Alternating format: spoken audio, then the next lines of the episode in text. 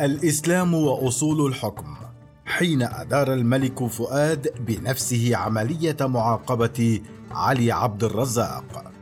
عام 1926 لم يكن على طه حسين إلا أن يذهب إلى وكيل النائب العام المحقق محمد نور ويقول إنه لم يقصد الإساءة إلى الإسلام أو إنكار العلوم من الدين بالضرورة.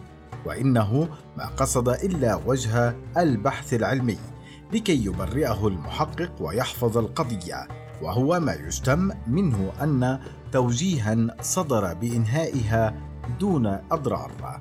ولكن قبل ذلك بعام واحد سنة 1925 أقام الأزهر الدنيا ولم يقعدها ضد علي عبد الرزاق 1888 1966 وكتابه الإسلام وأصول الحكم لدرجة أنه شكل لجنة محاكمة أطلق عليها اسم هيئة كبار العلماء واجتمعت به وسألته صوريا وأصدرت بحقه حكما عاجلا دون إعطائه الفرصة الكاملة للدفاع عن نفسه.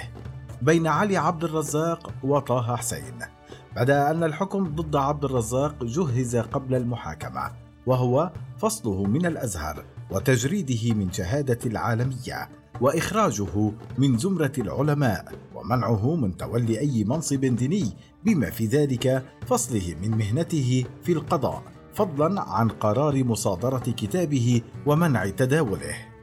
ونفذ الحكم رغم معارضة وزير الحقانية العدل حاليا عبد العزيز فهمي الذي كان عبد الرزاق يعمل في وزارته قاضيا شرعيا. تدخل الملك فؤاد الأول بنفسه وأقال وزير الحقانية المعترض ما أدى إلى استقالة ثلاثة وزراء. اعتبروا تدخل الملك اعتداء على السلطة التنفيذية وهم وزير الأوقاف محمد علي علوبة ووزير الزراعة توفيق دوس ووزير الداخلية إسماعيل صدقي. ببساطة عين أربعة وزراء جدد ونفذ الحكم. وهو ما يوضح درجة الشدة التي قوبل بها كتاب الإسلام وأصول الحكم مقابل التهاون الذي قوبل به كتاب طه حسين في الشعر الجاهلي.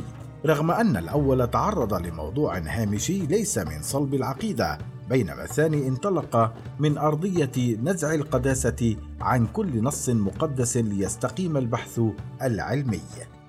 قبل محمد نور دفاع طه حسين غير المنطقي بينما وجهت هيئة العلماء ست تهم لعبد الرزاق. جعل الدين لا يمنع من أن جهاد النبي كان في سبيل الملك لا في سبيل الدين ولا لإبلاغ الدعوة للعالمين.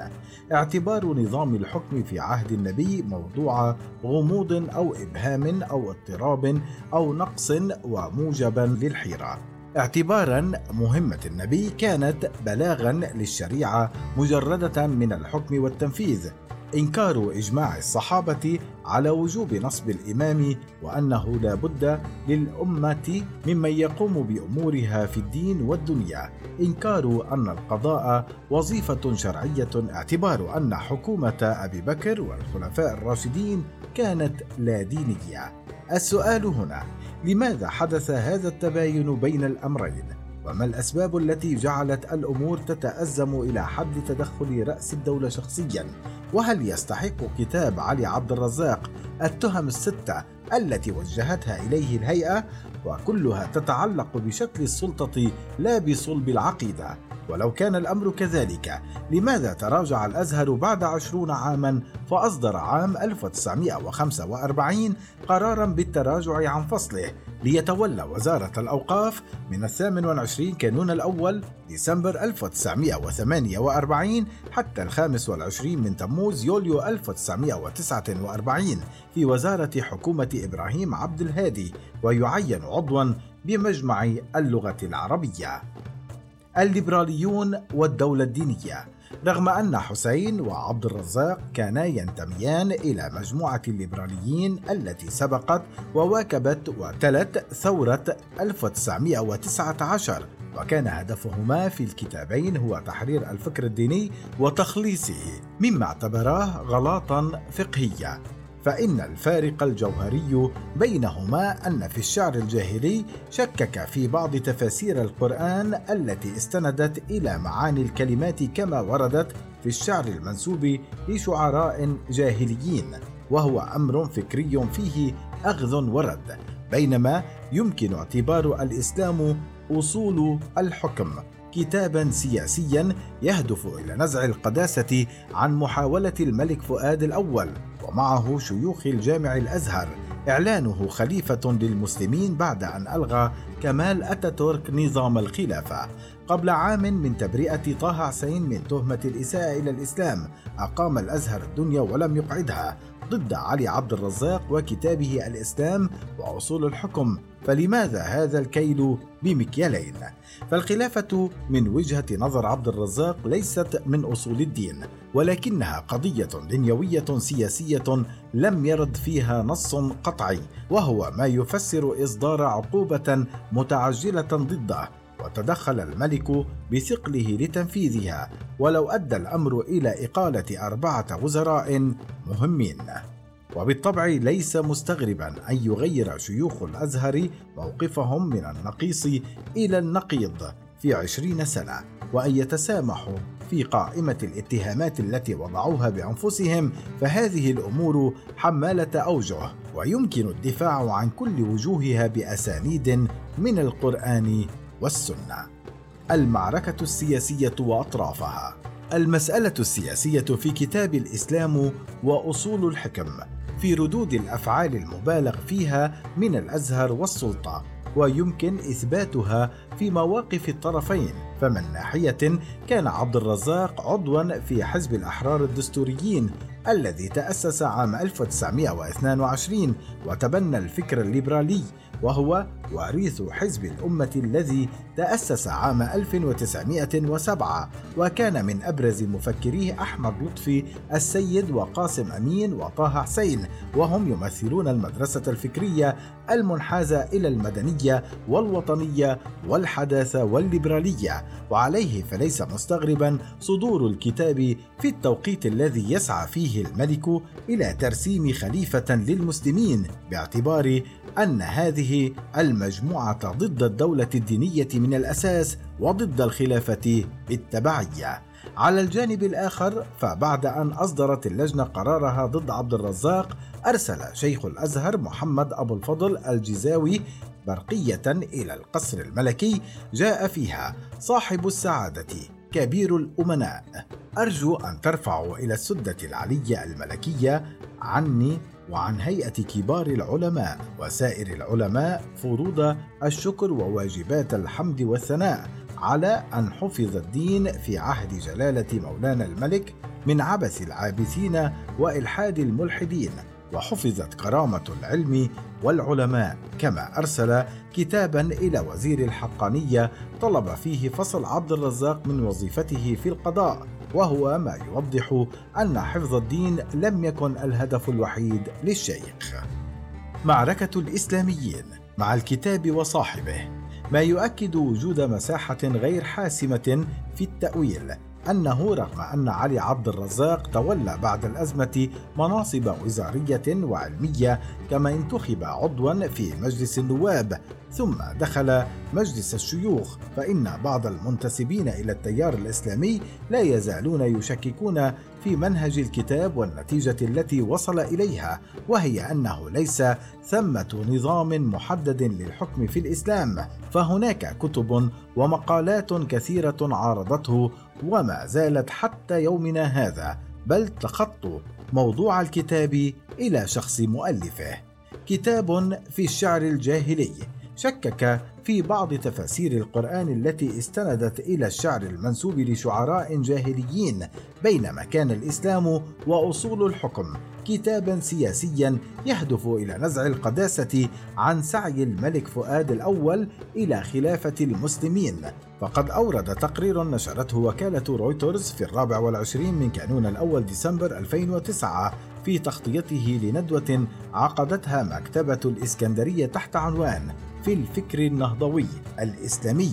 قول الدكتور محمد عمارة إن الكتاب شركة بين طه حسين وعلي عبد الرزاق. وقال إن هناك عدة قرائن على أن عبد الرزاق ليس مؤلفا للكتاب.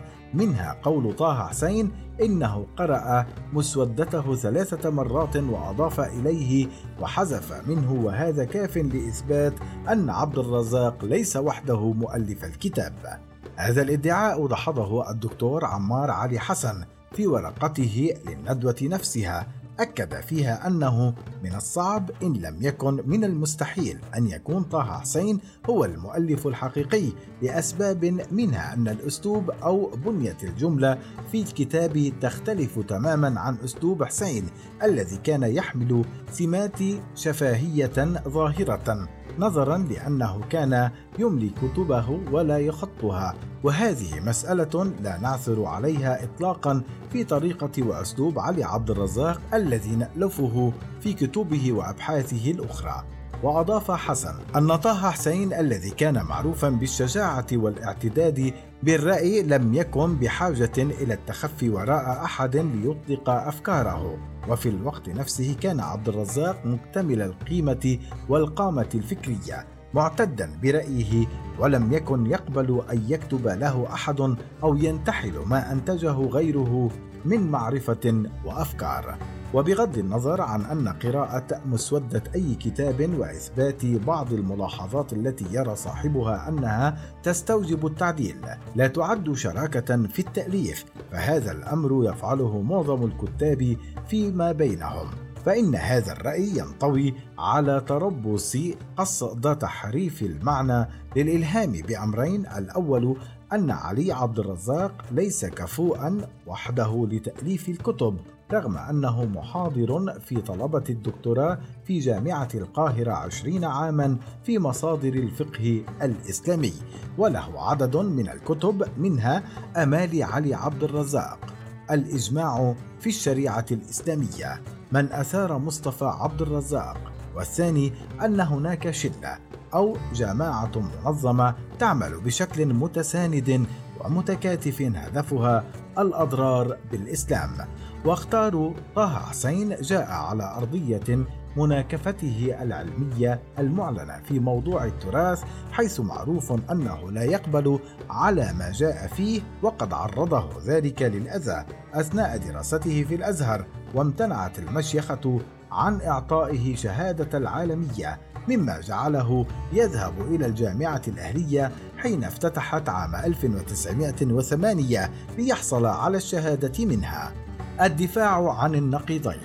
ثمة اختلافات بين الليبراليين أنفسهم في هذه الفترة حول قيمة الإسلام وأصول الحكم باعتبار أنه لم يأتي بجديد بل ساهم في ترسيخ بعض الأمور العقائدية المختلف حولها انطلاقا من معارضته للخلافة. ولكن إضافة إلى أن هذا ليس مهما في هذا المقام فإن ما أردت التعرض له هو التداخل بين السياسي والديني لدى المشتغلين بالدين أنفسهم وكيف يقبلون أن يكونوا أداة الحاكم في البطش بخصومه السياسيين؟ متى أراد منهم القيام بهذا الدور؟ إضافة إلى تبدل المواقف والدفاع عنها بأسانيد من التراث ومن النصوص نفسها رغم تعارض هذه المواقف.